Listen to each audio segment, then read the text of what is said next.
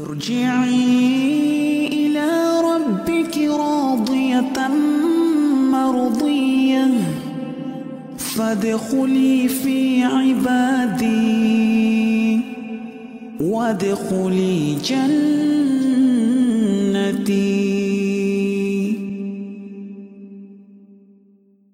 بسم الله الرحمن الرحيم. السلام عليكم ورحمة الله وبركاته. عليكم السلام ورحمة الله وبركاته. الحمد لله رب العالمين والصلاة والسلام على أشرف الأنبياء والمرسلين نبينا محمد وعلى آله وصحبه أجمعين ومن تبعهم بإحسان إلى يوم الدين أما بعد. كمسلمين dan مسلمات Bapak Ibu sekalian, barakallahu fiikum jami'an. Semoga senantiasa dalam دلم Allah الله سبحانه وتعالى اللهم آمين Puji dan syukur kita haturkan kehadiran Allah Tabaraka wa taala.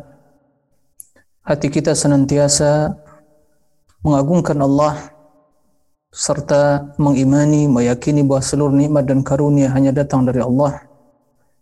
Lisan yang senantiasa berzikir, memuji dan memuja Allah, mengagungkan Allah Subhanahu wa taala kemudian anggota badan kita, jawarih kita semua melaksanakan ketaatan sebagai aplikasi praktek nyata terhadap kesyukuran yang merupakan kewajiban kita semua. Alhamdulillah atas segala nikmat dan karunia Allah Subhanahu wa taala. Kemudian salat dan salam untuk Nabi yang mulia Nabi Muhammad sallallahu alaihi wasallam Allahumma salli ala Muhammadin wa ala ali Muhammad.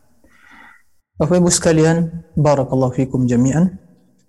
Kita akan melanjutkan pembahasan tentang ringkasan kitab Madarijis Salikin yang berbicara tentang a'malul qulub, amalan-amalan hati. Yang merupakan bekal kita menuju Allah Subhanahu wa taala. Karya Imam Ibnu Qayyim kitab Madaris Salikin karya Imam Nuqayyim rahimahullah. Kemudian diringkas oleh beberapa orang ulama. Semoga apa yang telah kita pelajari menjadi bekal, menjadi persiapan kita menghadap Allah Subhanahu wa taala. Sebagaimana yang telah jelaskan Imam Ibnu pada pembahasan sebelumnya bahwa kita semua yang hidup di dunia ini, orang-orang yang beriman, semua dalam perjalanan. Semua dalam safar as-sair ya, menuju Allah Subhanahu wa taala. Ada yang telah mengakhiri perjalanan hidup ini. Ada yang sedang berjalan dan yang sedang berjalan semua menunggu giliran kapan dia akan sampai kepada titik akhir dari perjalanan dunia dan mengawali perjalanan akhirat wallahu a'lam tidak perlu itu yang menjadi pikiran kita tapi yang menjadi konsentrasi dan kepedulian kita semua bagaimana akhir dari perjalanan hidup kita bagaimana akhir dari safar kita menuju Allah begitu mengakhiri dunia ini? Apakah dengan husnul khatimah? Itulah harapan dan cita-cita kita semua? Atau wal billah sebaliknya? Dan kita senantiasa berlindung dari keadaan yang demikian itu. Bapak Ibu sekalian rahimakumullah. Sebagaimana dijelaskan Imam Ibnu Qayyim rahimahullah bahwa perjalanan itu memiliki tahapan-tahapan tingkatan-tingkatan yang harus kita lewati. Semua hal itu masuk ke dalam iya karena.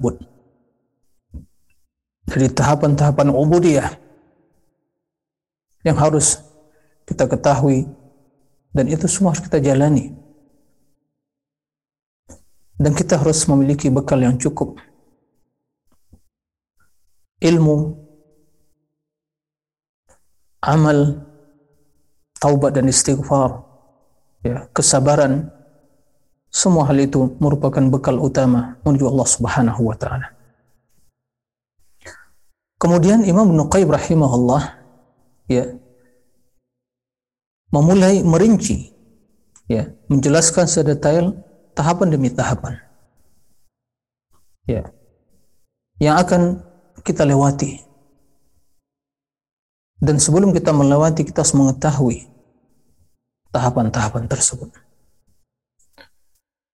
Maka pada kesempatan kali ini beliau menjelaskan ya manzilah kedudukan al-yaqdah yaqdah terjemahan bebasnya adalah bangun. Seorang yang tidur kemudian dia sadar dan bangun. Dan mungkin bisa kita artikan diterjemahkan yaitu kedudukan atau manzilah al-yaqdah kesadaran. Ya. Yang lawannya tentu ya al-ghaflah, kelalaian.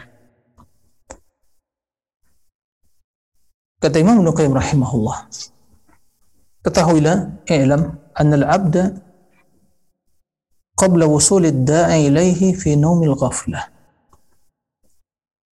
Sesungguhnya seorang hamba, ya, kita semua hamba Allah, sebelum ya sampai kepada kita penyeru ya penyeru orang yang mengajak ya ilaihi kepada Allah Subhanahu wa taala. Kita semua fi naumil ghaflah, berada dalam ya kelalaian naum tidur yang disertai dengan kelalaian. Naumul ghaflah istilahnya kita naumul ghaflah. Ya. Dalam kelalaian. Qalbuhu naim Nah ini bukti kelalaian tadi. Qalbuhu naim, hati sedang tertidur. Wa tarfuhu yaqdan. Tapi matanya bangun.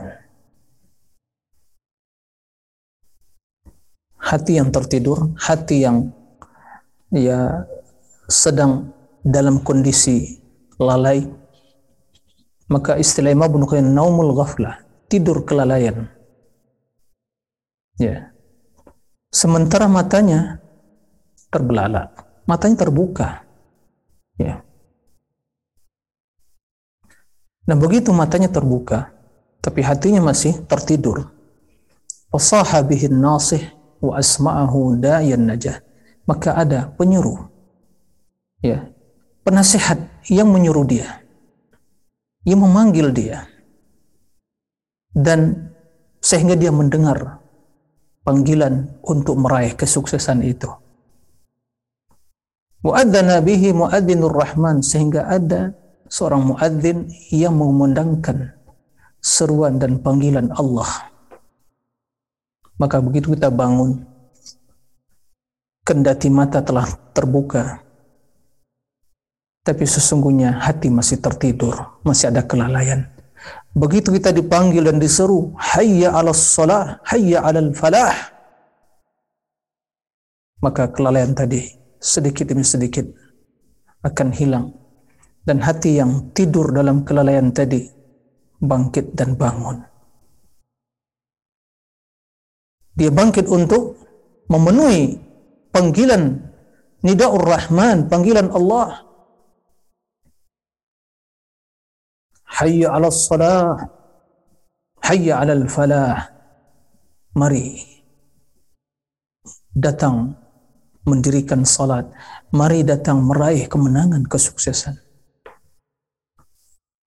Tapi semua hal itu tidak akan terlaksana, terrealisasi kecuali dengan pertolongan kemudahan dari Allah. Maka kita menjawab, La haula wa quwata illa billah. Tiada daya dan upaya kecuali dengan pertolongan Allah Subhanahu wa taala. Begitu dia mendengar seruan yang mengajak pada kesuksesan dan keberuntungan itu, maka hatinya sadar dan bangun dari kelalaian itu. Maka kata beliau, martabat, tingkatan, tahapan yang pertama, ya, awal maratibi hadan naim, tahapan yang pertama, ya, tingkatan yang pertama dari kondisi orang yang tidur ini, al-yaqdah itu dia sadar walintibah minan naum dan bangun dari tidurnya Ya demikian itu kata beliau, inzi'ajul qalbi li rawatil intibah min raqayatil ghafilin. Jadi hatinya bangun dan bangkit, sadar dari tidur orang-orang yang lalai tadi.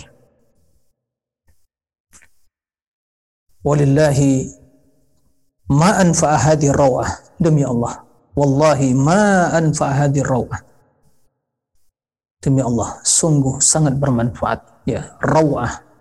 Rasa kesadaran sehingga membuat dia itu bangun. Ya. Wa ma'azama qadra wa khatarah dan sungguh sangat besar sangat agung kedudukan dan juga manfaatnya wa ma'asyadda i'anata 'ala suluk dan sungguh. Yang demi itu sangat besar ya.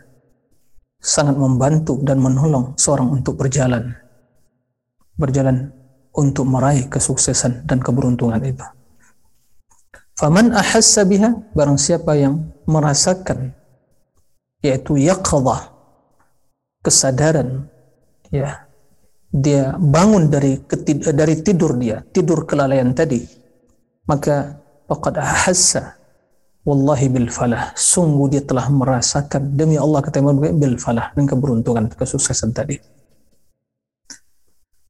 Imam Nuqayyim menjelaskan pada kita bahwa kondisi manusia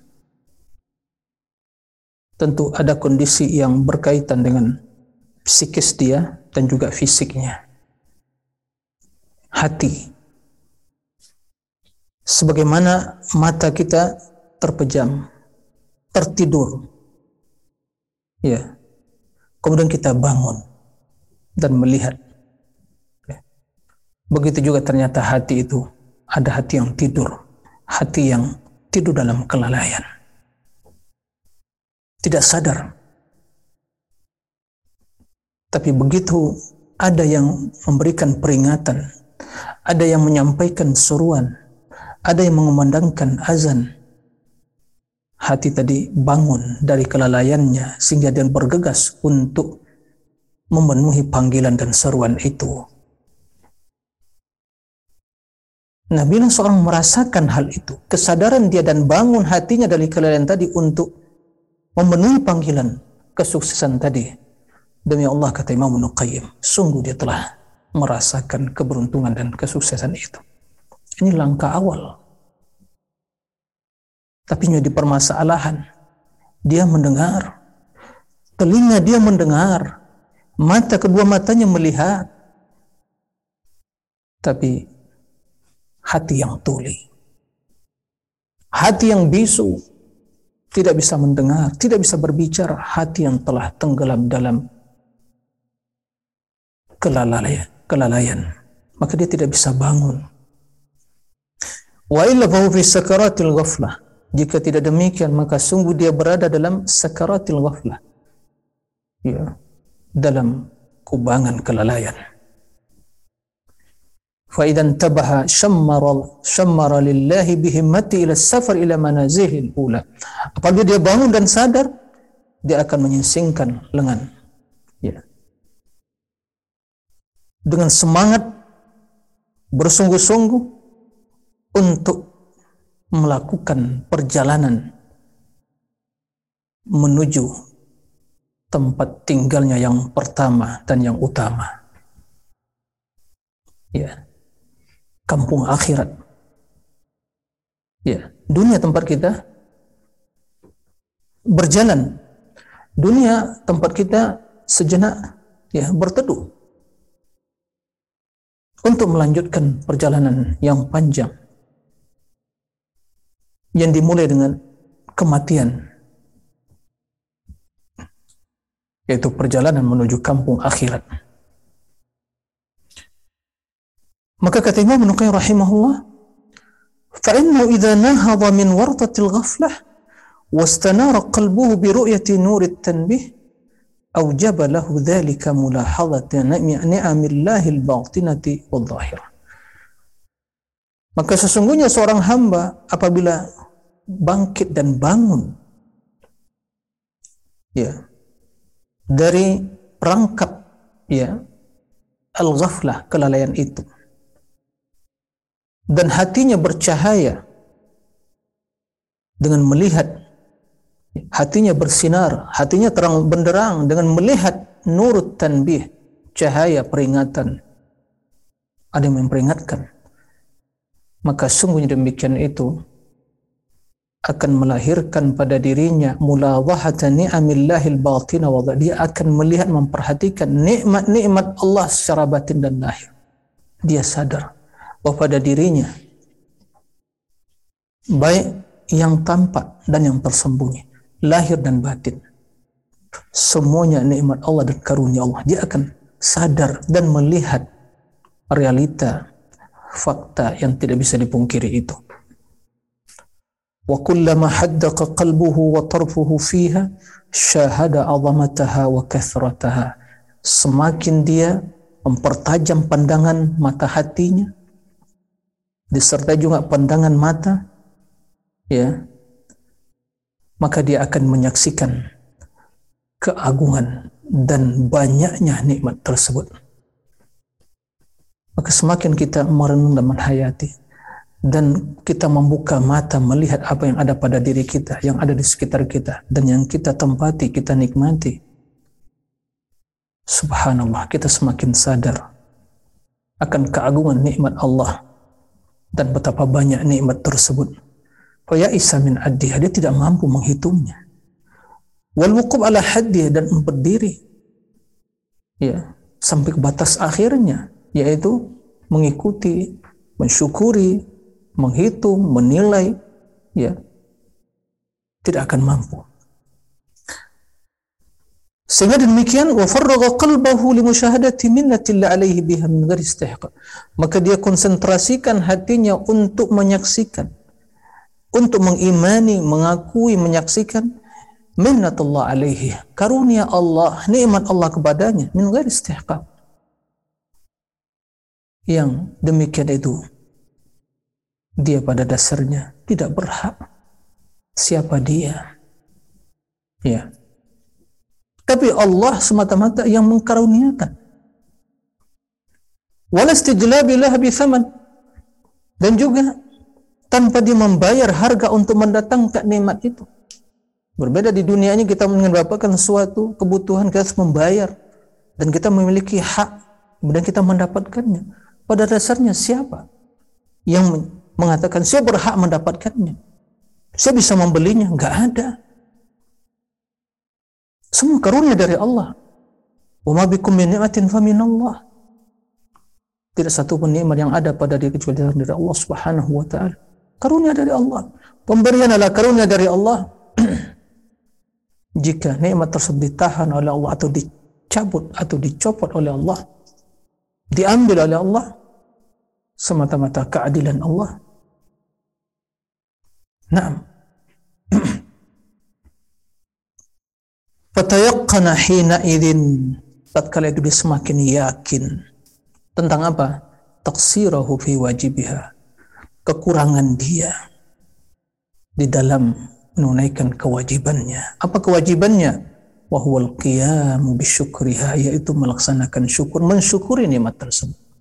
Iya wallah demi Allah Bapak Ibu sekalian. Bila kita sejenak merenungi dan menghayati nikmat yang tidak terhitung banyaknya. Wa in ta'uddu ni'matallahi la tuhsuha. Jika kalian ingin menghitung nikmat Allah, enggak mampu kalian menghitungnya. Dan Allah berikan kepada kita bukan karena kita yang berhak, tapi karunia dari Allah. Bukankah kita yang membayar dengan harga atau harta kita untuk mendapatkannya? Tidak, semata-mata karunia dari Allah. Wa ma bikum min ni'atin faminallah. Tidak satu pun nikmat yang ada pada diri kita dari Allah Subhanahu wa taala tatkala hal itu yang kita hadirkan dalam diri kita, kita semakin yakin begitu banyaknya kekurangan kita. Begitu kita hamba yang dhaif, yang sangat terbatas dalam menunaikan kewajiban syukur kepada Allah. Bahkan kita tidak mampu mensyukuri nikmat tersebut. Kenapa demikian? Kan kesyukuran itulah nikmat yang membutuhkan nikmat yang kedua dan itu juga membutuhkan nikmat syukur yang ketiga. Begitu seterusnya. Karena nikmat tidak henti-hentinya. Nikmat tidak pernah terputus. Ya subhanallah. Jadi kita harus sadar. Ini yaqdah kata Imam Qayyim. Dia harus sadar. Ya, jangan sampai lalai dari makna atau kondisi yang seperti itu. Sehingga demikian kata beliau, fa'ujaba lahu syuhudu tilkal minna wa taqsir nau'aini jalilaini minal. Tatkala dia menghadirkan, meyakini kekurangan dia dalam menunaikan kewajiban mensyukuri nikmat Allah Subhanahu wa taala. Ya. Yang demikian itu kata beliau akan melahirkan dua jenis, dua bentuk dari ibadah yang sangat agung. Subhanallah. Artinya apa? Tatkala kita meyakini ya dan bersaksi bahwa semua yang ada pada diri kita adalah nikmat dan karunia dari Allah. Kemudian kita meyakini kekurangan kita dalam menunaikan kewajiban syukur kepada Allah. Ya. Kesadaran kita di dalam kedua hal itu akan melahirkan dua ibadah qalbiyah yang sangat agung. Apa itu? Yang pertama kata beliau, mahabbatul mun'im. Kecintaan kepada sang pemberi nikmat yaitu Allah Subhanahu wa taala. Tertanamlah hati kecintaan. Ya. Karena seluruh kebaikan datang dari Allah. Wallahi bidzikri dan kita selalu berzikir mengingat Allah mengagungkan Allah, memuliakan Allah. Lisan, ini syukur dalam bentuk lisan. Dan juga al-muhib muhib al-mun'im mencintai yang memberikan nikmat sebagai bentuk kesyukuran. Wattadalluh wattadallulu wa Kita akan tunduk dan merendahkan diri di hadapan Allah Subhanahu wa taala. Ini ibadah yang pertama yang akan lahir dari ya keyakinan kita terhadap seluruh nikmat Allah kemudian juga keyakinan kita atau ya pengetahuan kita bahwa kita tidak mampu mensyukuri nikmat yang begitu banyak tersebut. Yang kedua, wa izra'ahu ala nafsi. Ya. Dan seorang hamba tadi akan selalu ya mengkritisi dirinya. Nah, kenapa demikian? Kata beliau, haitsu ajaza an syukri ni'ami. Menyesali dirinya. Dengan ungkapan lain, menyesali dirinya. Mengakui kelemahan dirinya. Lahir dalam dirinya kecintaan kepada Allah, sang pemberi nikmat. Kemudian di waktu yang sama, dia mengakui. Ya, mengakui kelemahan dia, keterbatasan dia. Ya, kekurangan dia di dalam mensyukuri nikmat tersebut. Ini namanya izra din ala nafsi. Dia mencela dirinya, mengakui kelemahan dirinya. Mengakui dosanya. Ya. Mengakui nikmat Allah. Abu ulaka bi ni'matika alayya wa abu bi dhanbi. Ini maksudnya dalam dua istighfar yang kita baca di pagi dan petang hari. Abu ulaka bi ni'matika ya Allah aku mengakui kembali kepadamu mengakui seluruh nikmat yang kau curahkan padaku. Wa abu bi dan aku juga mengakui dosaku yang sangat banyak. Nikmatmu ya Allah tidak henti-hentinya. Ya, diturunkan, dilimpahkan tapi dosaku begitu banyak ya Allah. Maka dia mengakui kesalahan dia kelemahan dia, keterbatasan dia, ketidakmampuan dia dalam mensyukuri nikmat tersebut. Fayanzuru ila ma salafa minhu minal isa maka dia sejenak kembali melihat hari-hari yang telah berlalu yang dia jalani yang penuh dengan isaah, kejelekan, kekurangan, dosa, maksiat. Sehingga dia yakin wa ya'lam annahu ala khatarin azim. Dia meyakini, meyakini bahwa dia semua berada dalam ya kondisi yang berbahaya. Hampir celaka. Musyrib alal halak bimuakhadati sahibil haq bimujibi haqqi. Dia hampir celaka dan binasa. Ya. Manakala sang pemberi nikmat yang memiliki hak mengazab dia ya bimujibi haqqi disebabkan ya sesuai dengan hak Allah Subhanahu wa taala. Artinya apa? Ya, seorang hamba lalai dia mensyukuri nikmat. Sementara nikmat wajib disyukuri. Bahkan sebaliknya, dia melakukan kejahatan, dosa, malah bukan mensyukuri nikmat. Maka dia hampir binasa dan celaka. Bila Allah mengazab dia sebabkan kejelekan dan dosa yang dia lakukan. Itu hak Allah. Kenapa demikian? Ya memang yang dicurahkan Allah tapi tidak dibalas dengan kesyukuran. Tapi sebaliknya dihadapi dengan berbuat kejelekan. Maka tapi Allah Subhanahu wa taala masih memberikan waktu dan kesempatan bagi dia untuk mengintrospeksi diri. Fa idza طالع جنايته شمر الاستدراك الفارط بالعلم والأمل apabila dia mengetahui kejahatan dia kejahatan dia lakukan maka dia akan bersungguh-sungguh ya, untuk ya melakukan untuk menyempurnakan ya kekurangan yang terjadi bil ilmi wal amal dengan ilmu dan amal. Dia bersungguh-sungguh belajar dan mengamalkan. Istighfar wan nadam. Dia dia ingin berusaha melepaskan ya dirinya dari riq ya al jinayah istighfar belenggu al jinayah kejahatan tadi bistighfar wan nadam dengan beristighfar dan menyesali dia sedang terbelenggu apa yang membelenggu dia? Yang mengikat dia? Kejahatannya, dosanya. Jika dia tidak dilepaskan dari belenggu yang mengikat dirinya sebabkan dosa, dia akan celaka. Bagaimana dia melepaskannya? Beristighfar wan nadab. Dia beristighfar kepada Allah dan menyesali perbuatan tersebut. Wa talaba dan dia berusaha untuk menyelamatkan dirinya, membersihkan dirinya wa huwa takhlisu imanihi wa ma'rifatihi min khabathil jinayah yaitu membersihkan imannya dan ma'rifahnya pengetahuan dia kepada Allah min khabathil jinayah dari noda kejahatan tersebut dan kita mengetahui setiap kejahatan dilakukan pasti akan menimbulkan meninggalkan ya bekas ya yang akan menodai lembaran kesucian hati. Nah, kemudian beliau menjelaskan dosa yang dilakukan oleh seorang hamba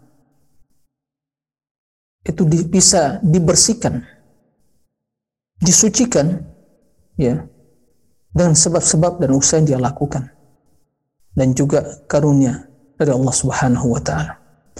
Maka Bagaimana seorang bisa membersihkan dirinya atau dosa dan kejahatan dia lakukan bisa dibersihkan, dimaafkan, diampuni. Maka di sini beliau menyebutkan sebab-sebab keampunan dosa. Yang dengan demikian sanksi dan azab akan diangkat dari hamba yang pernah melakukan dosa tersebut karena telah dimaafkan. Belum menyebutkan di sini ada sepuluh. Ya. Tapi beliau bagi kepada tiga bagian.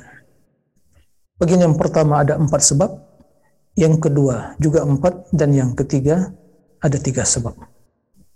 Jika semua hal itu tidak bisa menjadi sebab kesucian dirinya, maka dia harus mau atau tidak, dia harus memasuki ya tahapan terakhir untuk membersihkan jiwanya yaitu waliyazubillah masuk ke neraka dibersihkan diazab sesuai dengan dosa dan kesalahannya. Kemudian di akhir perjalanan hidupnya di dalam neraka. Sampai suci setelah itu akan dikeluarkan karena masih ada secul keimanan di dalam hatinya. Bapak Ibu sekalian rahimakumullah. Dan sepuluh sebab-sebab keampunan dosa tadi itu beliau ringkas dari ya apa yang disampaikan oleh guru beliau Al-Imam Ibnu Qayyim rahimahullah yaitu Syekhul Islam Ibnu Taimiyah. Syekhul Islam Ibnu Taimiyah menyebutkan dalam sebagian kitabnya ada 10 sebab-sebab keampunan dosa yang dengan demikian Allah akan mengangkat hukubah yaitu ancaman atau azab dari seorang hamba. Baik. Kita akan menjelaskan nah apa yang disebutkan Imam Ibnu Qayyim kemudian kita berusaha mengambil faidah penjelasan ya dari sebagian perkataan Imam Ibnu Taimiyah dalam Majmu' Fatawa ya jilid 7. Baik. Wa hadha tamhis yakunu fi dari dunia bi arba'ati asya. Jadi untuk tamhis itu adalah membersihkan. Ya. Untuk membersihkan proses pembersihan. Ya, dibersihkan dari noda-noda kejahatan tadi, dari noda-noda dosa tadi. Ada di dunia, ada di alam barzakh dan di akhirat. Jadi di tiga alam. Alam dunia, alam barzakh dan alam akhirat. Alam dunia ada empat sebab. Ya.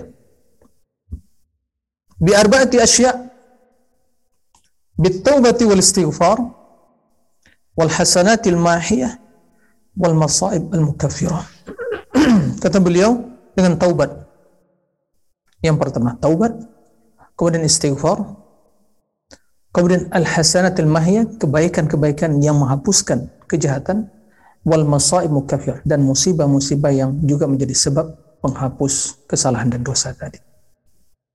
Nah, fa in mahasathu hadhihi al-arba'ah hadhihi al-arba'atu wa khallasathu kana min alladhina tatawaffahumul malaikatu tayyibin wa yubashshiruhum wa yubashshirunhum bil jannah.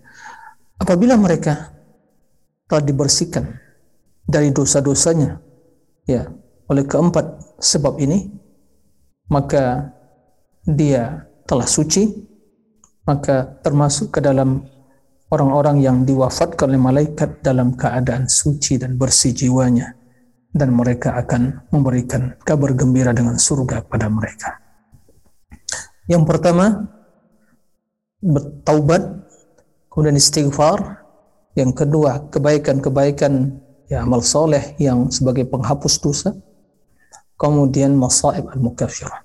Bapak Ibu sekalian rahimakumullah, ada baiknya saya akan membaca dan menukil ya apa yang dijelaskan oleh Imam Ibnu Taimiyah rahimahullah di dalam Majmu' Fatawa ya.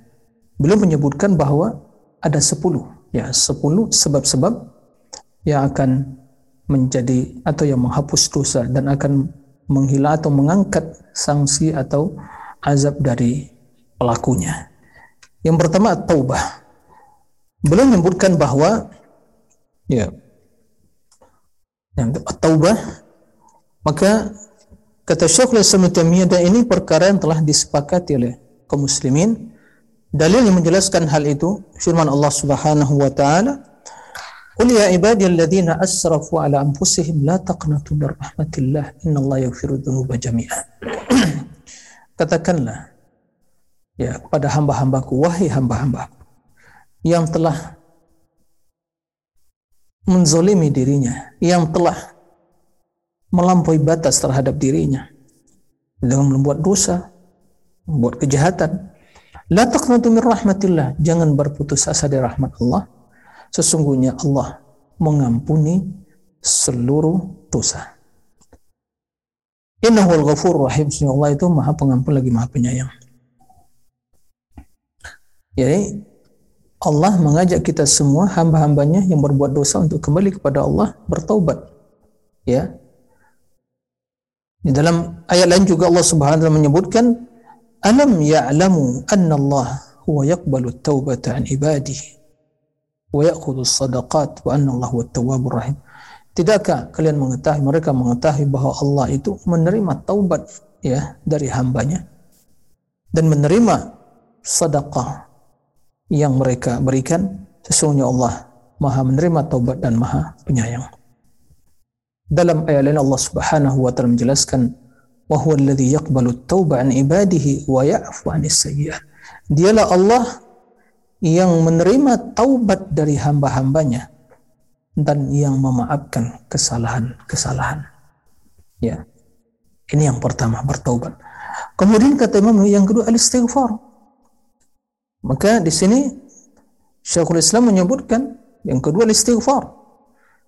Dan dalilnya dalam hadis disebutkan yes, Nabi sallallahu alaihi wasallam bersabda, "Idza adnaba 'abdun damban faqala ay rabbi adnabtu dhanban faghfir li faqala 'alima 'abdi anna lahu rabban yaghfiru dhanba wa ya'khudhu bih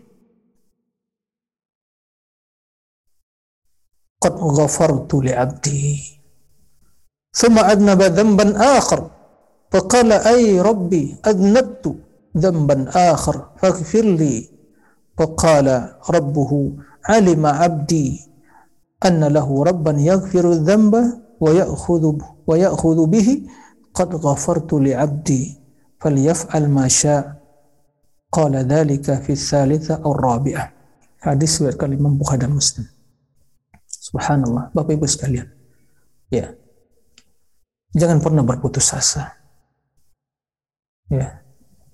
Tapi jangan pernah ya meremehkan dosa. Ya. Allah ya Nabi Shallallahu Alaihi Wasallam menyebutkan bahwa apabila seorang hamba melakukan dosa lalu dia berdoa ya Allah ya Rabbku aku telah aku telah berdosa. Aku melakukan dosa. Ampunilah aku ya Allah. Maka Allah akan mengatakan hambaku mengetahui bahwa dia memiliki Rob yang mengampuni dosa. Yang memaafkan kesalahannya. Kata Allah qad abdi. Sungguh aku telah mengampuni dosanya. Kemudian kata Nabi dia berbuat dosa lagi. Lalu dia mengatakan ay rabbi adnabtu dzamban akhar. Ya Rabbku aku telah melakukan dosa yang lain. Faghfirli ampuni aku. Maka Allah mengatakan alima abdi anna lahu rabban yaghfiru dzambah wa ya'khudh bih. Qad ghafartu li abdi. Hambaku mengetahui dia memiliki Rabb yang mengampuni dosa yang menerima taubat. Maka aku mengampuni dia. Kemudian disebutkan falyaf'al masya terserah dia lakukan apa saja apa maksudnya artinya kalaupun dia berdosa Kemudian dia bertaubat akan aku terima. Bukan berarti lakukan apa saja yang dia kehendaki. Ya, dia semena-mena berbuat dosa, maksiat. Tidak demikian maknanya. Ya, bukan itu maksudnya. Nah,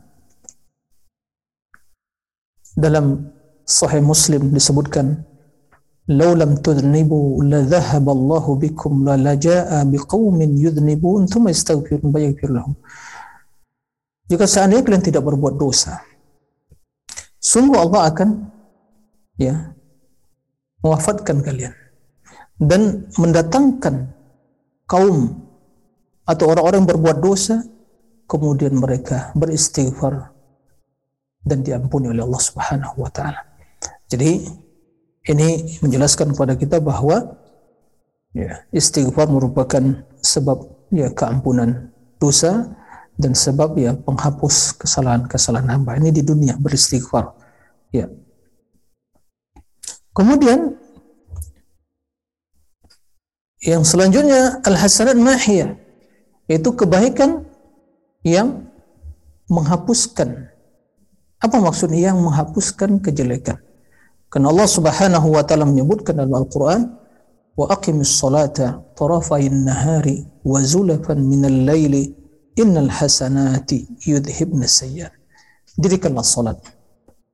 Tarafain nahar yaitu di penghujung dua ah, di penghujung ya dua penghujung nahar siang berarti pagi dan petang hari. Nah wazulafa minal sebagian dari malam ya salat malam ya innal hasanati yudhibna sayyiat Sungguhnya kebaikan itu menghapuskan kejelekan atau dosa. Maka di sini kita memahami keutamaan salat dan juga eh, baik itu yang wajib dan yang sunnah merupakan sebab utama, merupakan kebaikan yang mulia untuk menghapuskan dosa-dosa dan kesalahan. Ya, dalam hadis Nabi SAW menjelaskan as-salawatul khams wal jumu'ah ila al-jumu'ah wa ramadan ila ramadan mukaffiratun lima bainahuma idza jutunibatil kaba'ir rawahu muslim Salat lima waktu, salat demi salat, ya lima waktu sehari semalam. Jumat demi Jumat, Ramadan demi Ramadan. Itu adalah penghapus dosa-dosa yang ada di antara ya ibadah-ibadah tersebut apabila ditinggalkan dosa-dosa besar. Bapak Ibu sekalian, rahimakumullah. Maka tidak diragukan kebaikan ya merupakan ya sebab untuk menghapuskan dosa seorang hamba. Ini di dunia. Kemudian masaib al-mukaffirah. Masaib yaitu musibah yang menimpa seorang hamba. Itu akan menjadi sebab ya penghapus dari kesalahan-kesalahan dan dosa-dosanya. Sehingga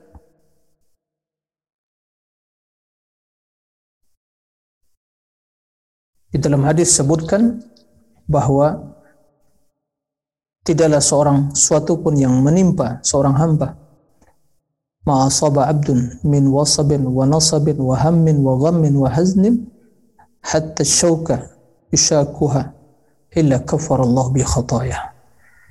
Tidaklah seorang hamba ditimpa musibah wasab rasa sakit nasab capek ham yaitu pikiran yang negatif menghantui dirinya, kemudian gundah gulana, kebingungan, kesedihan, gitu ya.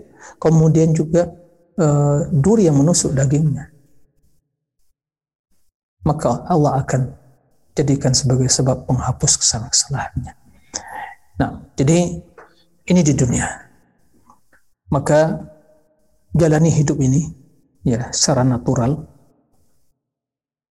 dan ketahui aturan-aturan dan rambu-rambunya dan bersungguh-sungguh untuk melakukan ketaatan dan waspada dari hal-hal yang akan menjerumuskan perbuatan dosa.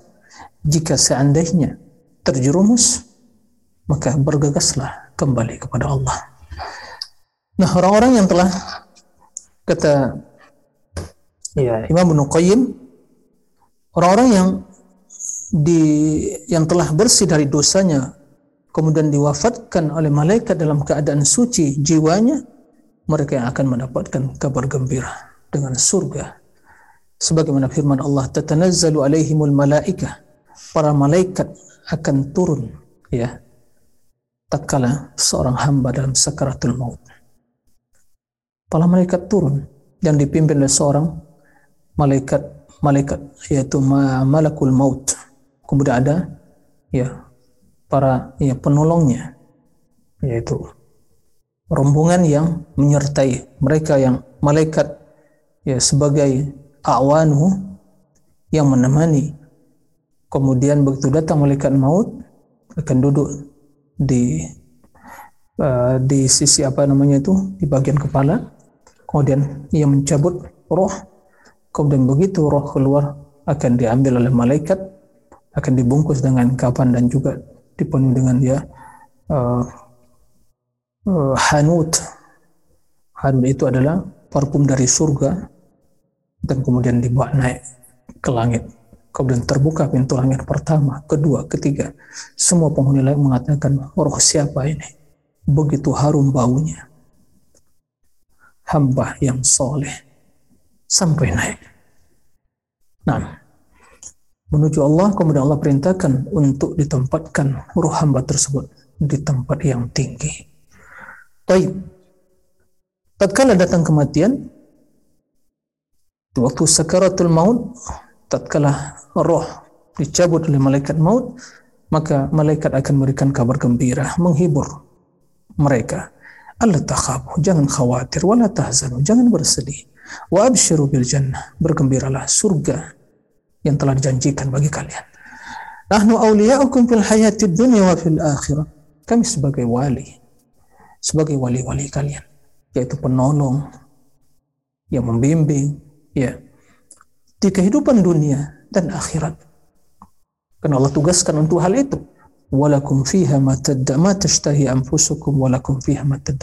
Dalam surga kalian mendapatkan apa yang diinginkan oleh jiwa kalian dan juga apa yang dijanjikan untuk kalian. Subhanallah.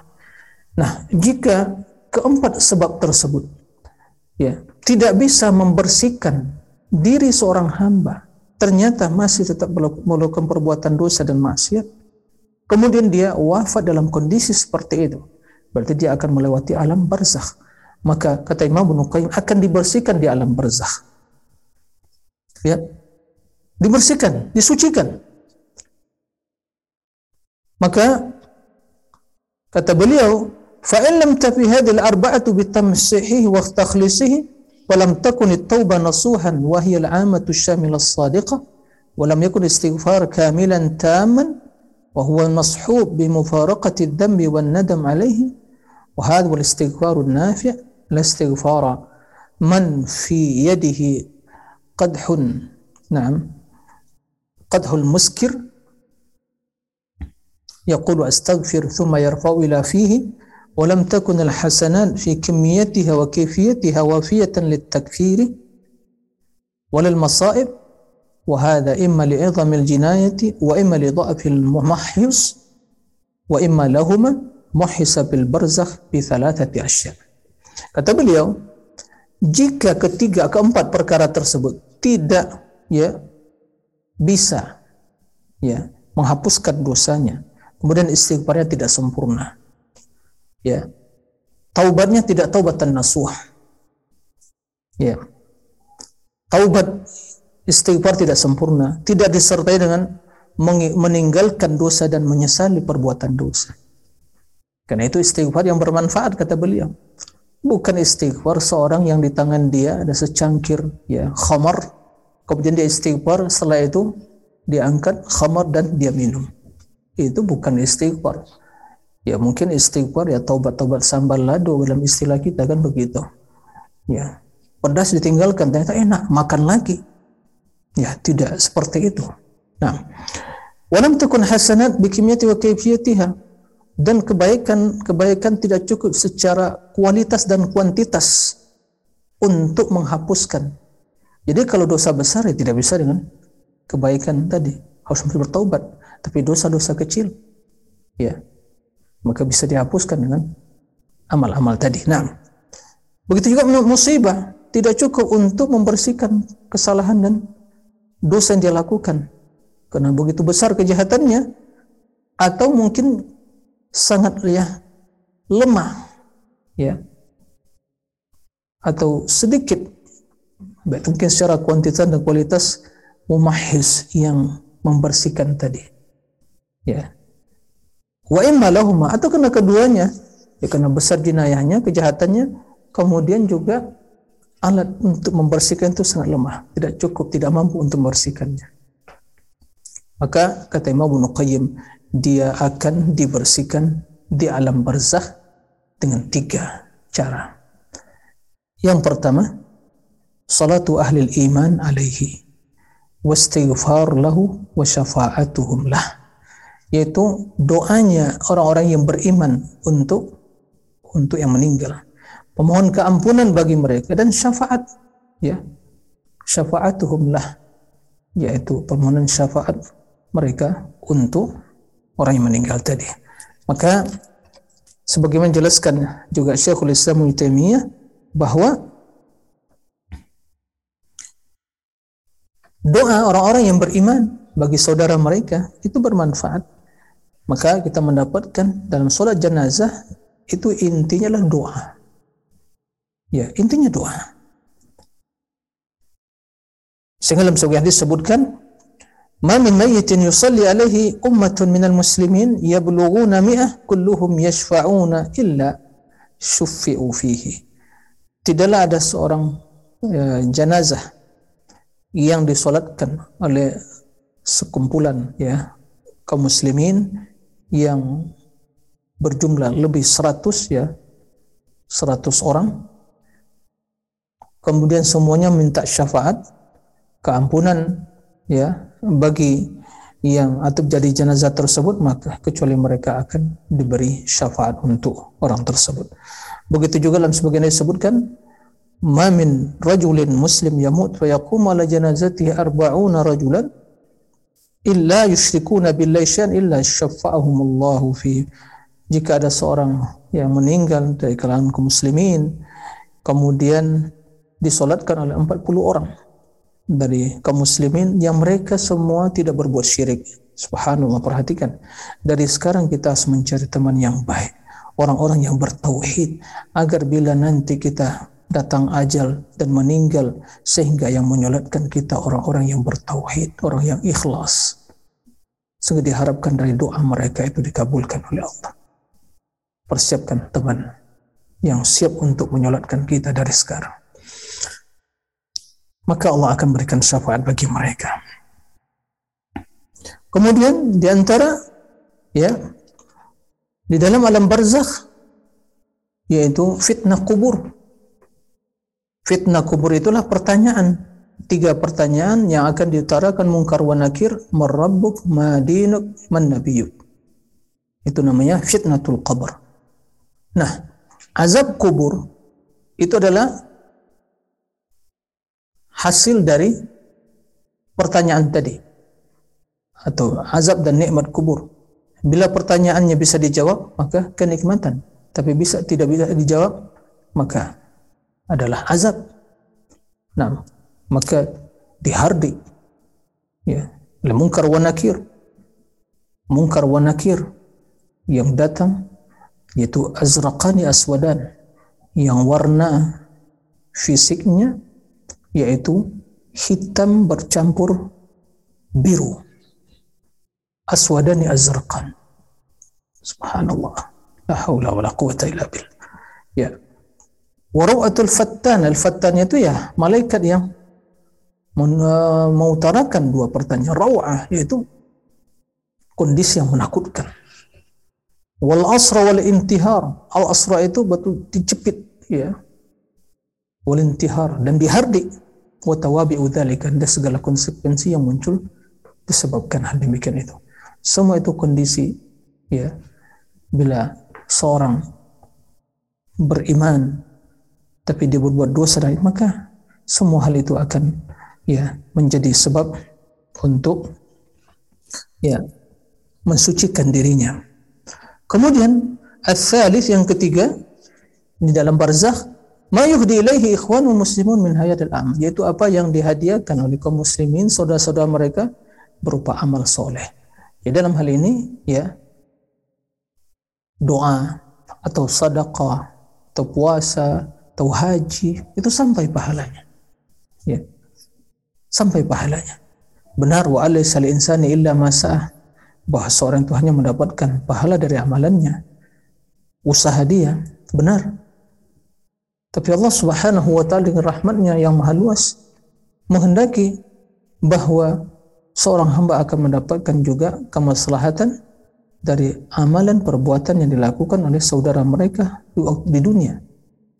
Baik itu berupa seperti doa, kemudian ya sedekah, kemudian puasa dan juga termasuk dalam hal ini juga haji. Jadi semua hal itu begitu juga mungkin hutang ya ditunaikan oleh saudaranya kan sampai pahala dan terlunasi hutangnya. Nah, ini semua hal yang akan menjadi sebab ya diampuni dosa seorang hamba dan juga penyebab diangkatnya ancaman dan azab yang uh, diberikan pada seorang hamba tersebut. Kemudian kata beliau, jika ketiga tersebut fa'in lam tafi hadhihi thalatha litamhis jika ketiga sebab itu tidak cukup untuk membersihkan ya dirinya muhisa baina yaday rabbih fil mawqifi bi thalathati asya maka dia akan disucikan di hadapan Rabbnya dengan tiga perkara. Yang pertama, ahwalul qiyamati wa syiddatul Ahwal itu dahsyatnya kondisi kiamat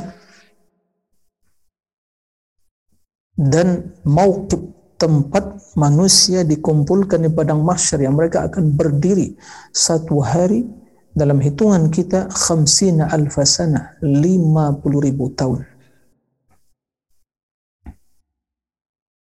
siapa yang mampu berdiri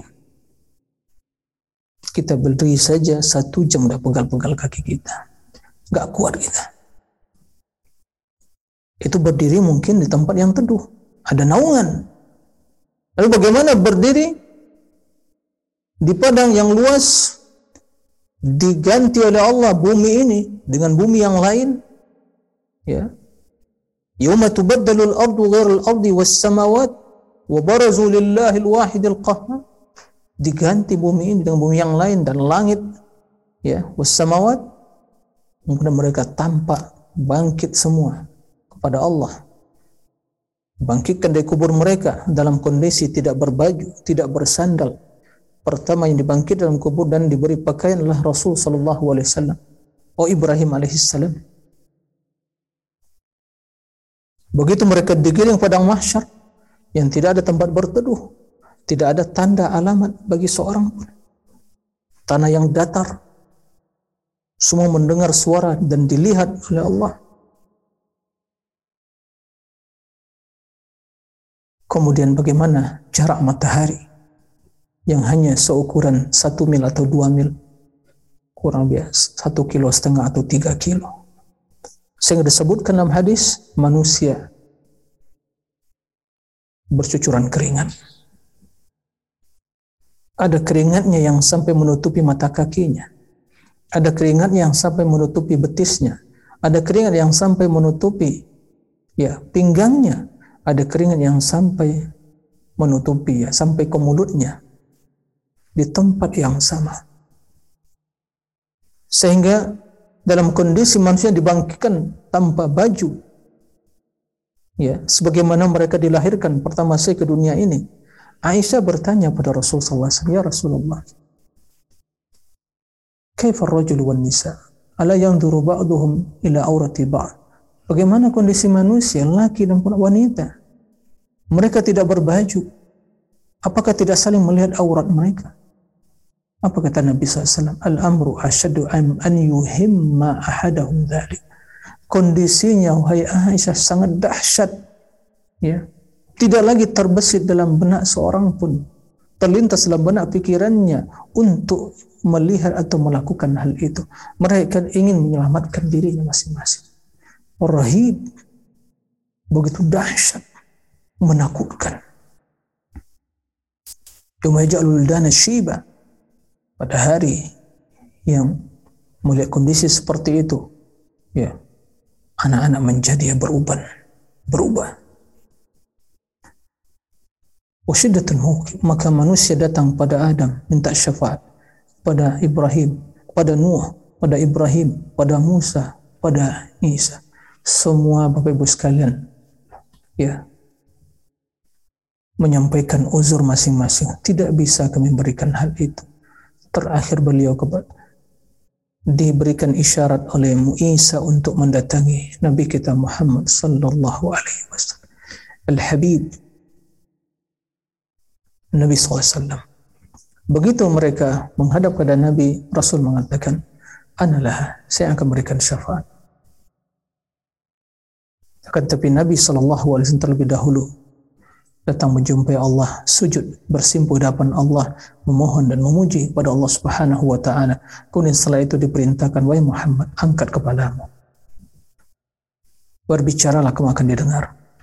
Memintalah kamu akan diberi dan berikanlah syafaat sesungguhnya engkau telah diizinkan memberikan syafaat apa yang diingat oleh Rasul Sallallahu Alaihi Wasallam Bapak Ibu sekalian begitu beliau diberikan izin untuk memberikan syafaat yang diingat beliau adalah umatnya ummati ya Rabb ummati ya Rabb ummati ya Rabb umatku ya Rabb umatku ya Rabb umatku ya Rabb begitu cintanya pada umat beliau cinta dari dunia sampai akhirat. Tapi banyak orang-orang yang mengatakan cinta Nabi, tapi cinta palsu. Cinta butuh pengorbanan, cinta butuh bukti yang tulus. Bukan teriak-teriak cinta Nabi, slogan-slogan yang diangkat di ya disebarkan. Bapak Ibu sekalian rahimakumullah. Kemudian syafaatus syufa'a wa afillah na'am kemaafan Allah Subhanahu wa taala syafaatus syufa'a syafaat syafaat Nabi syafaat para malaikat syafaat orang beriman ya begitu dalam hadis disebutkan sampai Nabi sallallahu alaihi wasallam mohon kepada Allah syafaat untuk mengeluarkan orang-orang yang masuk dalam neraka dengan syafaat Nabi SAW dan beliau ya menunda syafaat tersebut sebagai doa doa beliau untuk menjadi syafaat di akhirat kelak untuk umatnya. Nabi menjelaskan dalam hadis, setiap nabi memiliki doa yang mustajabah, tapi masing-masing nabi telah meminta disegerakan, dikabulkan doanya di dunia. Tapi nabi menunda sampai akhirat menjadi syafaat bagi umatku dan itu akan didapatkan bagi orang-orang yang meninggal dalam keadaan bertauhid tidak berbuat syirik pada Allah Subhanahu wa taala. Nah, syafaati li umat li ahli kabair min ummati. Syafaat bagi pelaku dosa bagi umatku. Akan tetapi masih ada tauhid dan iman di hatinya. Sampai-sampai di akhirat kelak ada orang-orang yang dinamakan dengan jahannamiyun. Jahannamiyun, jahannam itu neraka. Begitu lamanya ya tinggal di neraka diazab oleh Allah tamhius. Ini akan jelaskan pada ya poin yang terakhir Imam Ibnu Qayyim rahimahullah maka setelah itu mereka dikeluarkan karena masih ada secuil keimanan dalam hatinya. Wa afullah, kemaafan Allah. Nah, sebagian dalam hadis seorang hamba akan diajak bicara Allah Subhanahu wa taala, diperlihatkan padanya dosa-dosanya. Kemudian kata Allah, benarkah ini dosa? Naam. Tidak bisa lagi kita menutupi. Semua tercatat. Semua ada catatannya. Tapi kata Allah, dahulu dunia aku tutup. Dan sekarang aku maafkan kata Allah Subhanahu wa taala. Ya. Kemudian ya diproses dengan hisap yang ringan. Itulah al-ardu, diperlihatkan, diakui, dimaafkan. Tapi kalau ditanya satu persatu kemudian diazab sesuai dengan dosa tersebut, maka semua akan binasa kata Nabi sallallahu alaihi wasallam. Kemudian fa illam tafi hadhihi thalatha bitamhis jika ketiga perkara ini tidak cukup untuk membersihkan dirinya, fala budda min dukhulil kir, maka dia harus masuk kir, yaitu pensucian proses ya pensucian. Ya. Rahmatan fi haqqi sebagai rahmat dalam bagi dia. Dia takhallas wa yatamahhas agar dia selamat dan juga bersih. Wa yatatahhar minan nar dan wa yatatahhar finnar dan disucikan dalam neraka fatakunu naru tuhratan lahu wa tamhisan li khabathi sehingga neraka menjadi tempat mensucikan dia dan juga ya membersihkan ya noda-noda dosa dia. wa yakunu makthu fiha ala hasabi kasatil khabath wa qillati dan dia menetap di dalam neraka wal billah sesuai dengan banyaknya ya dosa banyak dan sedikitnya dosa dia. wa shiddati wa dha'fi ya besar dan lemah dan sedikitnya dosa dia ya Faida kharaja khabthu wa sufya dhahab dhahabuhu apabila dia dikeluarkan dikeluarkan telah bersih dari uh, noda-nodanya dan telah disucikan ya telah disucikan dan demikian itu sar khalisan tayyiban dia menjadi orang yang telah suci bersih baik ukhrija minan nar dikeluarkan dari neraka wa udkhilal jannah dimasukkan ke dalam surga. Kenapa demikian? Karena tidak boleh, tidak ada. Allah mengharamkan yang namanya kekejian dan kejelekan dalam untuk masuk ke dalam surga. Jika ada kejelekan, dosa, noda itu dibersihkan dulu karena di surga tempat yang baik semua. Inilah makna kita memahami dari kondisi yang seperti itu, kenapa pelaku maksiat dan dosa diancam neraka? Kullu bid'atin dhalala wa kullu dhalatin finnar. Kenapa setiap kesesatan dalam neraka? Ya, bid'ah kesesatan, maksiat kesesatan. Tempatnya di neraka. Kenapa? Karena neraka tempat kejelekan sementara surga semua tempat kebaikan. Maka yang tatkala katakan kepada penghuni surga, udkhulu, Tibtum fadkhuluha khalidin. Tibtum, kalian telah suci, telah bersih, telah baik, maka masuklah. Ya, sampai-sampai yang terakhir ada penghuni neraka dinamakan dengan jahannamiyun. Jahannamiyun.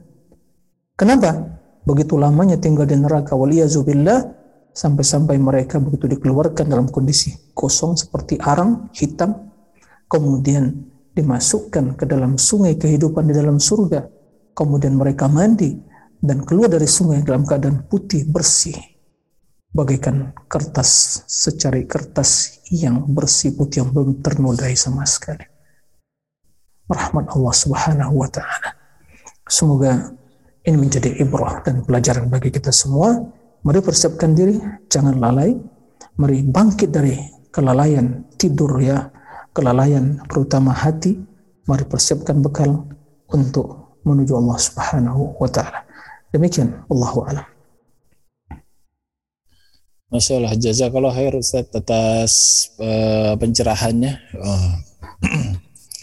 Banyak hikmah yang kita bisa petik dari pembahasan di malam hari ini. Uh, saya ingatkan jika ada yang ingin bertanya silahkan posting pertanyaan di kolom chat atau gunakan fasilitas resen jika ingin bertanya secara langsung.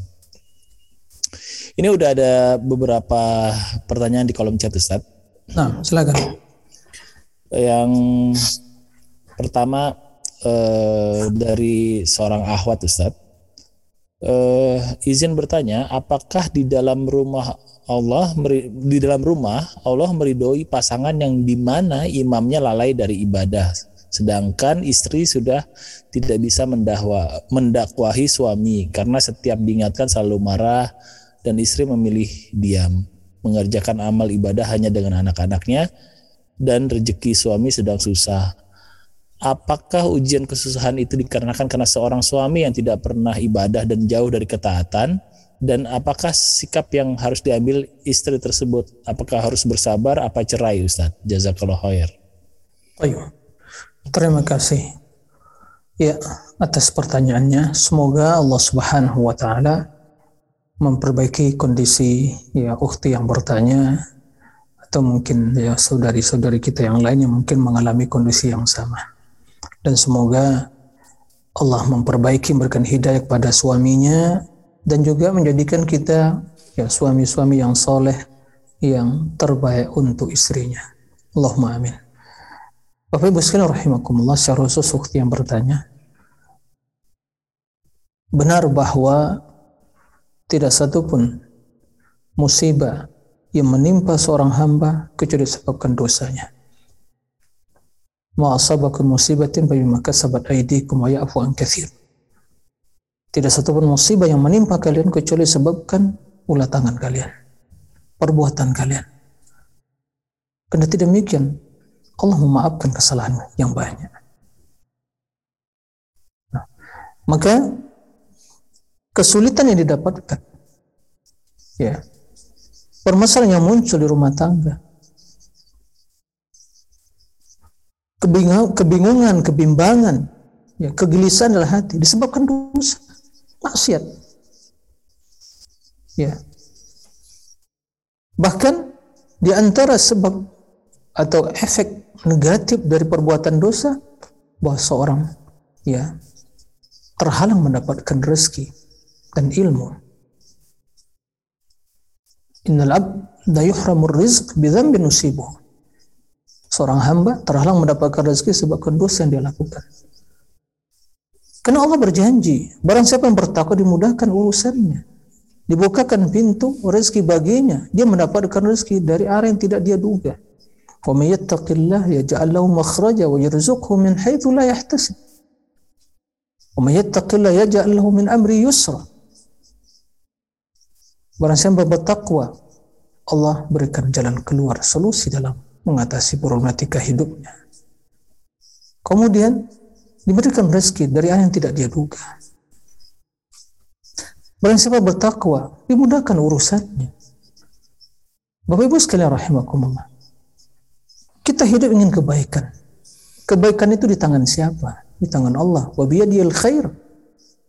Kesolehan kita, kebaikan hati di tangan Allah. Allah membolak balikkan hati. Maka kita harus pandai menjalin hubungan yang terbaik, yang terindah. Ya, yang melebihi seluruh hubungan yang kita bangun bersama ya sesama. Jika kita berusaha membangun hubungan baik pada tetangga pada yang lain, Allah yang lebih berhak ya Allah yang lebih pantas untuk kita memperbaiki hubungan Kenapa demikian? Bahwa Rabbuna Rabb yang kita ibadati tempat kita bersandar, tempat kita bergantung, tempat kita mengadukan curhat kepadanya yang di tangannya ada solusi untuk mengatasi masalah kita. Maka tidak diragukan. Itu di antara sebab ya dosa yang dilakukan. Nah, dosa yang dilakukan suami. Apalagi seperti yang kita katakan tadi, diajak oleh suami istrinya sholat, mungkin dia tidak sholat atau mungkin buat amal tidak mau, malah marah. Ya, karena dia sedang dikendalikan oleh syaitannya. Ya. Maka syaitan terus akan membisikkan hal yang jelek tadi. Dan terus akan mengendalikan dia. Sikapnya, perilakunya, tutur katanya. Tapi bila dia berwudu, menghadap kepada Allah, memohon hidayah dan taufik, maka akan terlihat kedamaian dan keindahan dalam rumah tangga tadi. Nah, oleh karena itu, dalam kondisi seperti itu, ya, para ulama menyebutkan, jika ya memang secara hukum syar'i wanita yang meminta cerai atau talak atau khulu istilahnya dari suami tanpa ada alasan yang syar'i maka dalam hal disebutkan dia tidak mencium bau surga itu dilarang.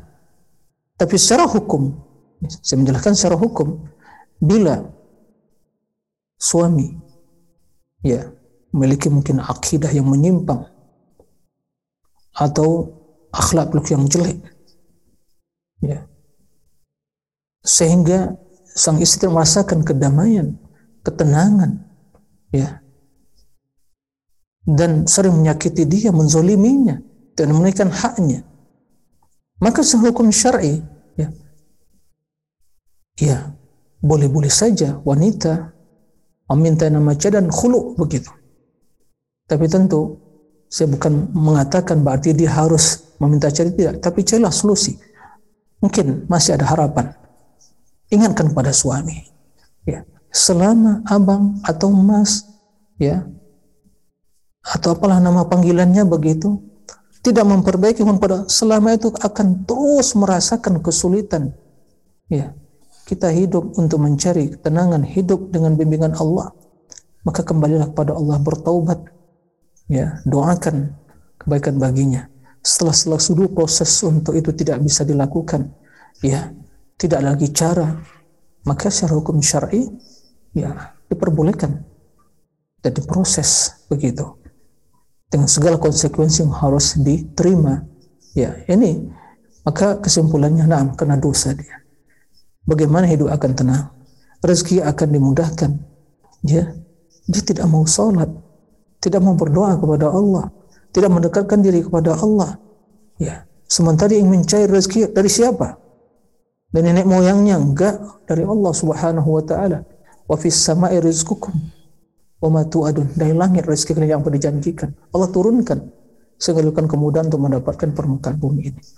Nah jadi semoga Allah memberikan hidayah kepada suami ya ukhti yang bertanya. Dan berikan hidayah kepada saudara-saudara kita kaum muslimin yang terjerumus dalam ya penyimpangan dan kesalahan tadi. Semoga mereka kembali kepada Allah Subhanahu wa taala dengan bertobat.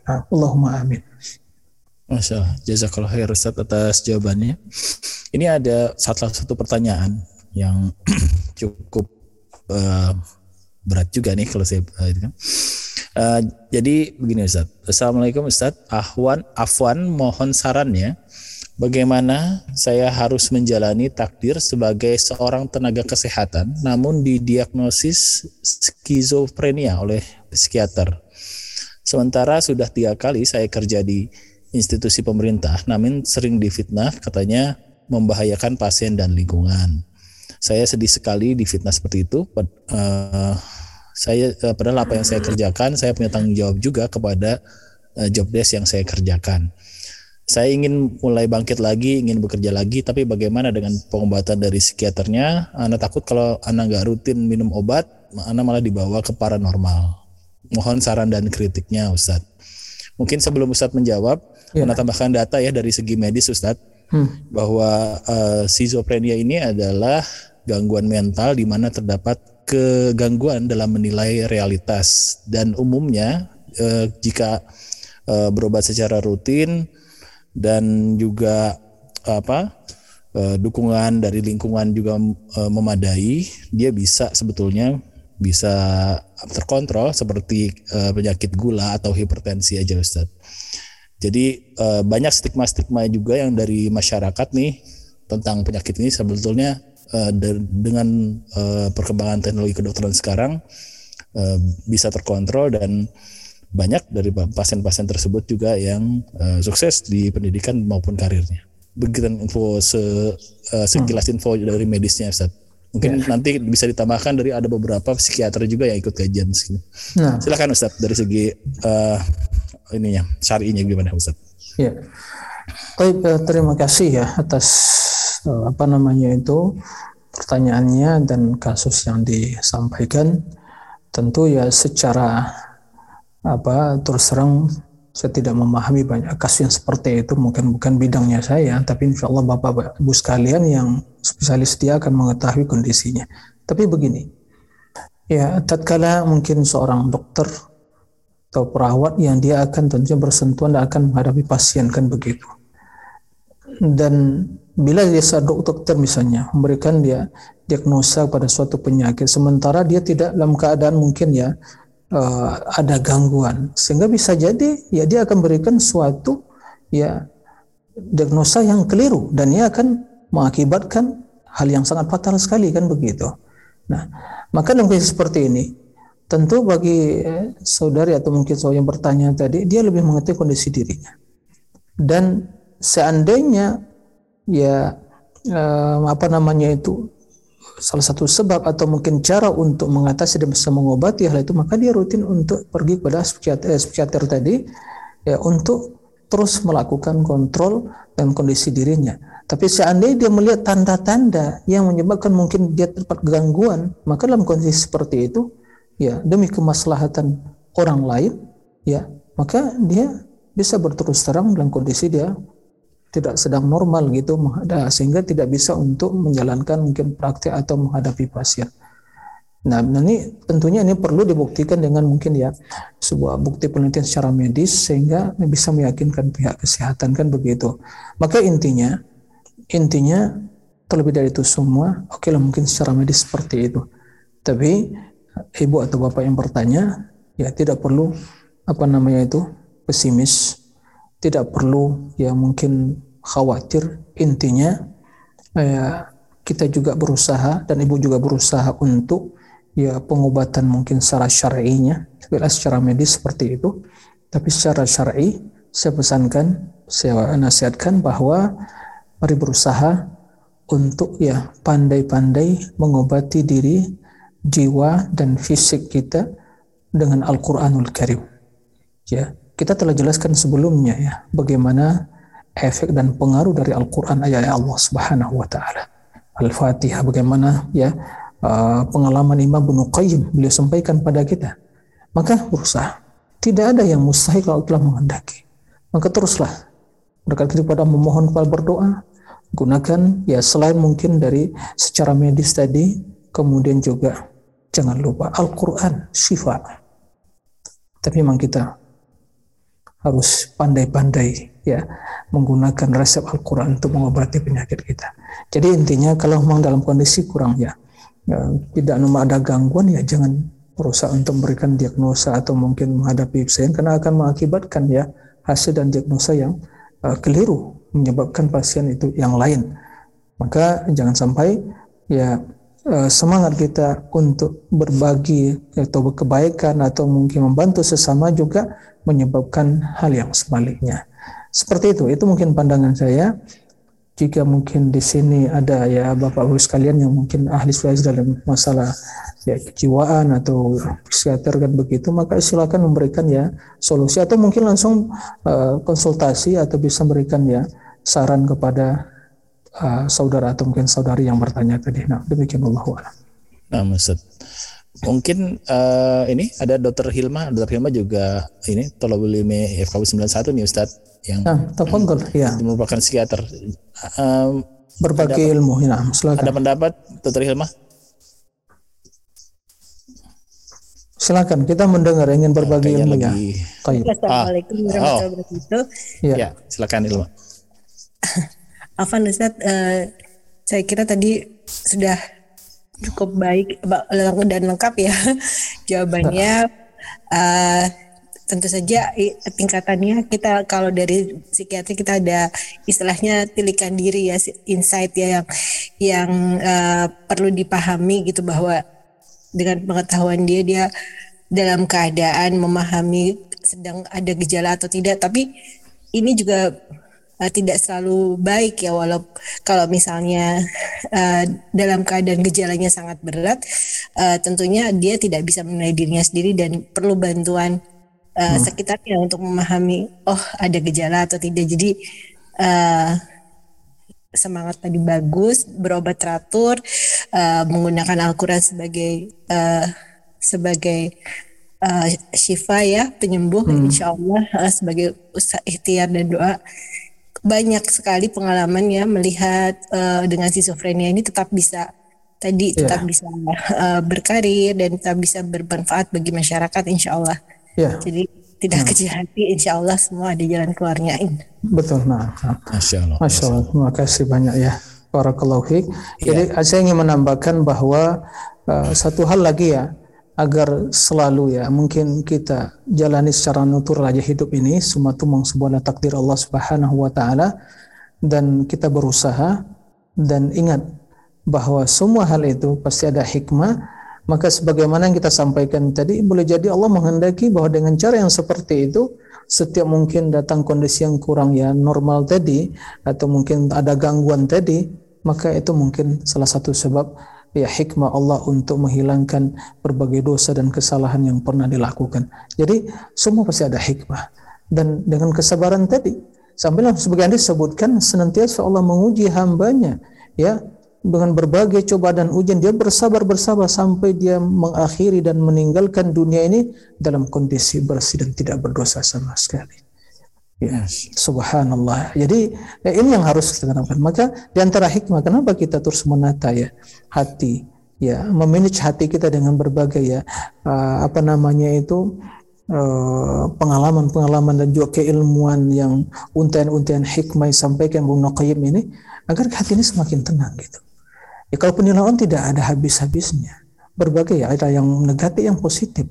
Tapi bila itu yang kita jadikan sebagai sumber ya untuk menentukan kondisi diri kita, ya kita akan kerepotan dan kita terus akan dihantu berbagai ya persepsi asumsi-asumsi yang negatif tadi. Tapi kita lebih tahu, dekatkan diri kepada Allah, ya. Bangun seperti malam terakhir memohon kepada Allah. Dengan mudah kalau Allah menghendaki kun fayakun selesai. Ya seperti itu. Ada orang telah diponis ya. Diponis mungkin ada pendarahan di otak atau mungkin tumor di otak. Dokter ini nggak bisa lagi. Ya sulit mengatasi. Sangat sangat dia tumornya itu telah ya betul-betul ya ke dalam apa saraf otak yang sulit untuk diangkat atau di kalaupun dioperasi ya tingkat ya keberhasilannya. Tapi ternyata fakta dan kenyataan ya bahwa dia masih ingat bahwa ada Allah yang maha kuasa yang semua yang akan menyembuhkan Ya, jika Allah Subhanahu wa taala mampu untuk menjadikan gunung yang kokoh hancur berantakan, apalagi dengan tumor yang kecil di dalam otak, Allah akan mampu mengangkatnya. Maka tatkala dia suatu ketika di malam hari dia membaca mendekatkan ketika kepada Allah, dia membaca firman Allah, "Yasalunaka 'anil jibal, faqul yansifuha rabbi nasfa, fayadaruha qa'an safsah." Mereka bertanya kepada tentang jibal, gunung yang kokoh maka itu semua akan dihancurkan oleh Allah Subhanahu hancur ya berantakan dan akan menjadi hancur berantakan Maka kata dia, jika gunung yang kuat saja begitu Allah mampu, apalagi ya tumor yang kecil yang yang sedang saya hadapi. Subhanallah, dia berdoa kepada Allah. Maka begitu datang harinya untuk kontrol melakukan proses selanjutnya untuk dioperasi, apa yang terjadi? Para dokter terhadap semua. Begitu dicek, ternyata tidak ada lagi yang namanya tumor yang mengendap di otak dia. Subhanallah. Siapa yang melakukan hal itu semua? Itu di luar kemampuan para dokter. Karena Allah Rabbul Alamin yang menciptakan jasad kita ini, Allah yang lebih tahu. Maka pesan saya kepada diri dan kita semua, apa pun yang kita alami dalam hidup ini, ingat, kita memiliki Allah Rabbul Alamin. Bahwa apa yang Allah hendaki itu yang terbaik bagi kita. Cuma kita harus pandai-pandai mengambil hikmah dan pelajaran dari kehidupan yang kita ya jalani dalam hidup ini. Nah, demikian Allah Nah, Masya Allah. ini, ini uh, kajian malam ini Masya Allah. Karena kita punya ahli di sebab-sebab kauni dan sebab-sebab syari ya. Masya Allah. Jadi, nah. dan untuk uh, apa uh, partisipan yang lain yang juga uh, penting diketahui adalah uh, data WHO menunjukkan satu dari empat orang itu memang mengalami gangguan mental. Jadi semua orang bisa berpotensi untuk mengalami hal tersebut nah. dan perlu dukungan dari masyarakat dan tidak ada stigma untuk hal tersebut. Perbanyak baca Al-Quran, perbanyak baca Al-Quran. Al-Quran Pak, perbanyak ya. baca Al-Quran. Ya orang yang sering banyak Al-Quran, insya Allah tidak akan pernah pikun dan juga terjadi kelainan mental dan juga yang yang apa namanya itu tadi gangguan. Orang yang banyak baca Al-Quran, tadabur Al-Quran, dia akan selamat dari hal yang seperti itu. Biinillah. Ya, maka perbanyak. Mari kita menjadi ahli Al-Quran. Nah, demikian. Nah, Ustaz. Saya beralih ke pertanyaan yang lain nih, Ustaz. Nah uh, Afan Ustadz mohon izin bertanya, kalau anak sudah membadalkan umroh orang tua yang sudah meninggal, hmm. apakah dosa-dosa orang tua bisa terampuni semuanya Ustadz? Baik, terima kasih atas pertanyaannya. Jadi bila ya telah ya mungkin ya anak telah membadalkan haji orang tuanya, apakah dosa-dosa dia terhapus semuanya? Ya tidak seperti itu. Tapi kewajiban dia sebagai ya seorang yang menunaikan haji ya maka itu telah terlaksana. Tapi dosa-dosa yang lain ya maka tidak apa namanya spontanitas begitu telah terlaksana haji maka akan terhapus semua tidak ya.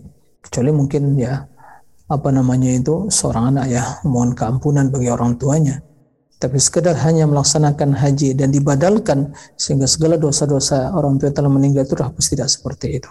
Karena ada sebab-sebab yang lain atau karena disebutkan yaitu hanya bisa menggugurkan kewajiban haji, bukan menghapus ya seluruh kesalahan dia.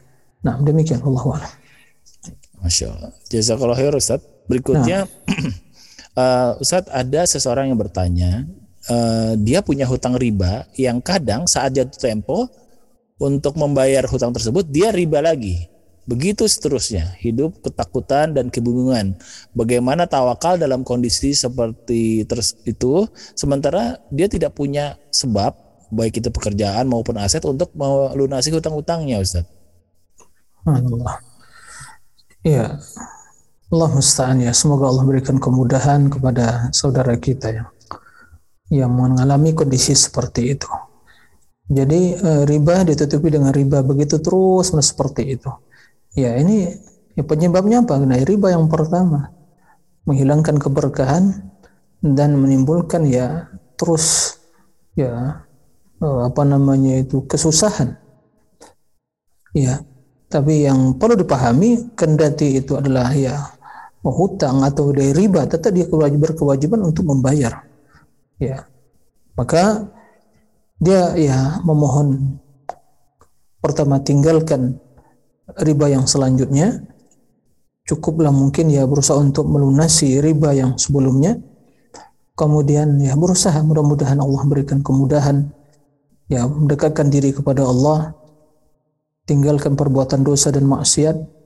Kemudian perbaikilah hubungan pada Allah. Mudah-mudahan dengan demikian Allah akan mungkin memudahkan jalan bagi dia.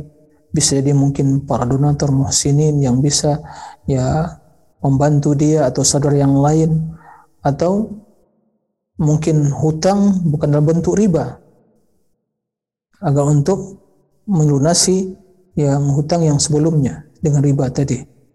Nah, jadi mungkin ada orang-orang yang mungkin bisa yang menghutangi tapi tanpa riba. Ya, Nah, ini yang perlu diperhatikan. Jadi jangan ya menutupi suatu kejahatan yang kejahatan yang lainnya tidak selesai-selesainya. Oleh karena itu ya uh, teruslah berusaha mendekatkan diri kepada Allah. Ambil pelajaran bahwa yang namanya riba itu tidak akan mendatangkan kebaikan, akan menghancurkan, menghilangkan keberkahan. Memang ya Allah menyebutkan seperti itu. Yamhaqullahu riba yurbis sadaqat. Ya.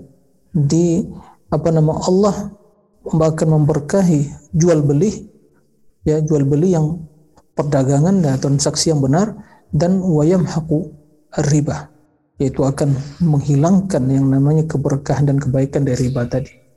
Makanya tidak ada kebaikan dalam riba tadi. Jadi tidak bisa saya berikan itu kecuali hanya itu sebagai pandangan dan juga diserta dengan doa semoga saudara yang bertanya ya diberi kemudahan oleh Allah Subhanahu wa taala dalam melunasi hutangnya dan semoga ya diberi taufik untuk senantiasa mendekatkan diri kepada Allah Subhanahu wa taala sehingga demikian kemudahan demi kemudahan akan didapatkan. Nah, demikian Allah a'lam. mungkin pertanyaan terakhir Dr. Yasina. Ya. Baik. uh, pertanyaan terakhir ini dari seorang akhwat Ustadz. Assalamualaikum Ustaz, jika seorang muslim memprioritaskan akhirat semampu yang bisa diupayakan namun tidak lepas dari kesalahan juga, lalu diberikan Allah kemudahan dalam beribadah, tetapi juga diberikan berbagai cobaan atau musibah. Nah, jika dia terus menyalahkan diri bahwa cobaan tersebut akibat kesalahan diri, maka secara kejiwaan seorang tersebut bisa jatuh kepada depresi. Bagaimana sebaiknya Ustaz? Nah, hmm. baik, terima kasih. Jadi ya dalam kondisi seorang mendapatkan kemudahan dan memiliki ya termotivasi untuk beramal ya dan perhatian pada akhirat kemudian juga tentunya dia akan perhatian untuk ya memperbaiki hati dan jiwanya ini suatu nikmat ya nikmat yang tidak bisa dengan nikmat-nikmat dunia yang lain ya maka hendaknya nikmat tersebut menjadi bekal utama bagi dia dalam menjalani liku-liku kehidupan ini terutama dalam menghadapi berbagai cobaan dan ujian. Ingat, jangan kita mengira bahwa begitu kita telah beriman, semakin tinggi tingkat keimanan, kita merasa aman. Enggak, akan diuji oleh Allah Subhanahu wa taala. Berbagai ujian. Nah, maka semakin tinggi tingkat keimanan semakin berat ujian. Hasiban nas alif lam mim hasiban nas ayutraku wa hum ayutraku ayaqulu amanna hum la yuftanun. Laqad fatanna alladhina min qablihim wa la ya'man alladhina sadaqu wa la ya'lamu al-kadhibin.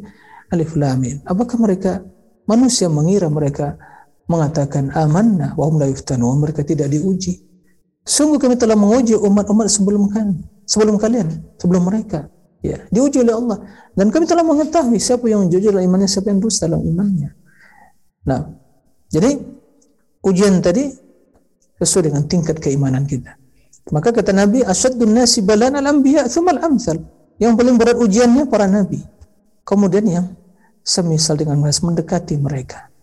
Nah, bahkan dalam sebagian disebutkan bahwa ujian demi ujian bertubi-tubi ya ujian datang kepada seorang hamba itu bukan berarti ya Allah itu murka atau benci pada hamba. Bahkan dalam hadis sebutkan Allah apabila mencintai seorang hamba diuji oleh Allah Subhanahu wa taala. Inna Allah idza ahabba 'abdan ibtalah. Allah apabila mencintai seorang hamba diuji oleh Allah. Karena begitu dia mendapatkan cobaan dan ujian tadi. Ujian yang juga Allah mengetahui kemampuan dia dalam menghadapinya tidak ada ujian yang mungkin betul-betul uh, betul menghancurkan diri dia sehingga tidak lagi bisa berbuat sama sekali tidak. Allah latifun Ya, dalam setiap takdir dan kehendak Allah ada kasih sayang di sana. Ingat itu. Dalam setiap takdir dan ketentuan Allah, kehendak Allah ada di sana kasih sayang Allah. Inna Rabbi latifun lima yasha. Allah Rabbku latifun maha sayang. Ya, dalam setiap apa yang dia kehendaki. Itu harus kita pahami. Oleh karena itu, jika seorang dia beriman, mendekatkan diri kepada Allah, kemudian dapatkan ujian, ingat, itu sebagai bukti kasih yang cinta Allah Subhanahu wa taala. Tapi ingat, begitu dia jauh dari Allah dan mendapatkan cobaan ujian sebagai pertanda peringatan keras. Ya. Atau sebaliknya, dia jauh dari Allah, diberi nikmat, kenikmatan, Ingat sebagai pertanda juga, itu Allah sedang memanjakan dia terus menerus, kemudian dia lupa, kemudian seketika datang waktu ditentukan dia azab oleh Allah, dihancurkan dan dia binasa seketika itu. Namanya istidrak. Maka ahlul iman, ya bagaimana ujian? Para nabi diuji. Ya. Seperti itu. Jadi tidak semuanya yang ujian atau cobaan itu yang menjadi yang petaka tidak tergantung bagaimana kesiapan kita menerima. Bila itu takdir Allah kita ridha Allah akan ridha tapi kalau kita terus ya uh, mencela ya maka akan depresi itu akan datang. Seperti itu. Jadi jalani hidup dengan dua kacamata. Agar terang pandangan kita. Kacamata syariat dan takdir. Kacamata syariat ya kita berusaha terus ikuti tuntunan Allah aturan Rasulnya. Kacamata takdir ya jalani. Dan bila terjadi katakan qaddarallahu ma fa'al. Allah telah mentakdirkan. Jika Allah telah menghendaki pasti terjadi. Jika Allah tidak menghendaki kendati saya menghendaki tidak akan terjadi. Semua dengan izin Allah. Nah seperti itu. Tapi kita harus berusaha. Nah dan juga harus introspeksi diri. Nah jadi itu yang harus diperhatikan sehingga ya sebagian apa namanya itu para ulama salafus soleh itu bila mendapatkan cobaan dan ujian dia bersyukur. Alhamdulillah. Kalau kita gimana? Mungkin keluar dari ucapan kita perkataan-perkataan yang subhanallah ya uh, mungkin ya mencela menyesali mereka bersyukur. Ternyata pernah saya sampaikan juga kalau tidak salah ya tingkatan ya dalam menghadapi berbagai cobaan itu ada tiga tingkatan pertama yaitu sabar. Hmm. Kemudian yang kedua ridho, yang ketiga lagi syukur. Bayangkan, selama ini persepsi kita, asumsi kita, bersyukur itu dapat nikmat kan begitu ya. No. Tapi ternyata tingkatan amalan hati dalam menyikapi cobaan dan ujian dari Allah itu ada tiga tingkatan. Pertama sabar, ternyata itu yang paling rendah. Sabar. Yang kedua yang paling ya yang menengah ridho. Dan yang lebih tinggi lagi tingkatannya syukur. Mensyukuri. Jadi nikmat menjadi apa cobaan menjadi nikmat. Disyukuri. Nah ini kan butuh pelatihan ya. Training kita gimana ya bisa meresapi mana-mana yang seperti itu. Nah mudah-mudahan kita bisa sampai pada tingkat syukur tadi. Nah nah demikian wallahu alam. Ya mudah-mudahan kita senantiasa mendapat bimbingan dari Allah Subhanahu wa taala dan semoga Allah senantiasa ya memperbaiki hati kita, mensucikan jiwa kita dan semoga apa yang kita jalani dalam hidup ini semakin menambah keyakinan kita bahwa semua adalah kehendak Allah dan berjalan sesuai dengan takdir Allah dan kita semua harus siap menjalani likur kehidupan ini maka bekal kita ya ini di antaranya harus terus sadar Ya, jangan lalai. Masih banyak tentunya tahapan-tahapan yang harus kita lewati dalam perjalanan menuju Allah Subhanahu wa taala. Demikian, mudah-mudahan bermanfaat. Wassallallahu wasallam Muhammad wa alihi wa sahbihi wasallim wa akhiru da'wana alhamdulillahi rabbil alamin. Subhanakallahumma bihamdik asyhadu an la ilaha illa anta astaghfiruka wa atubu ilaik. Wassalamualaikum warahmatullahi wabarakatuh. Waalaikumsalam warahmatullahi wabarakatuh. Alhamdulillah jazakumullah khairan kasiran untuk Ustadz dan seluruh tim di sana. Mudah-mudahan Allah selalu menjaga Ustadz dan tim dalam kesehatan dan uh, keamanan. Uh, baik, uh, kita sampai di ujung kajian dari Tolabul Ilmi FKW 91. Anda bisa kembali menyimak uh, rekamannya di podcast Tolabul Ilmi FKW 91 di uh, Spotify atau di Anchor FM ya. Silakan. Dan juga uh, nanti akan di uh, apa? di di announce di, diumumkan di grup. Baik, uh, Terima kasih atas seluruh partisipasi dari teman-teman semua. Wabillahi taufiq wal hidayah. Assalamualaikum warahmatullahi wabarakatuh. Waalaikumsalam warahmatullahi wabarakatuh. Irji'i ila rabbiki radiyatan marudiyah. fadkhuli fi ibadi wadkhuli jannah جنتي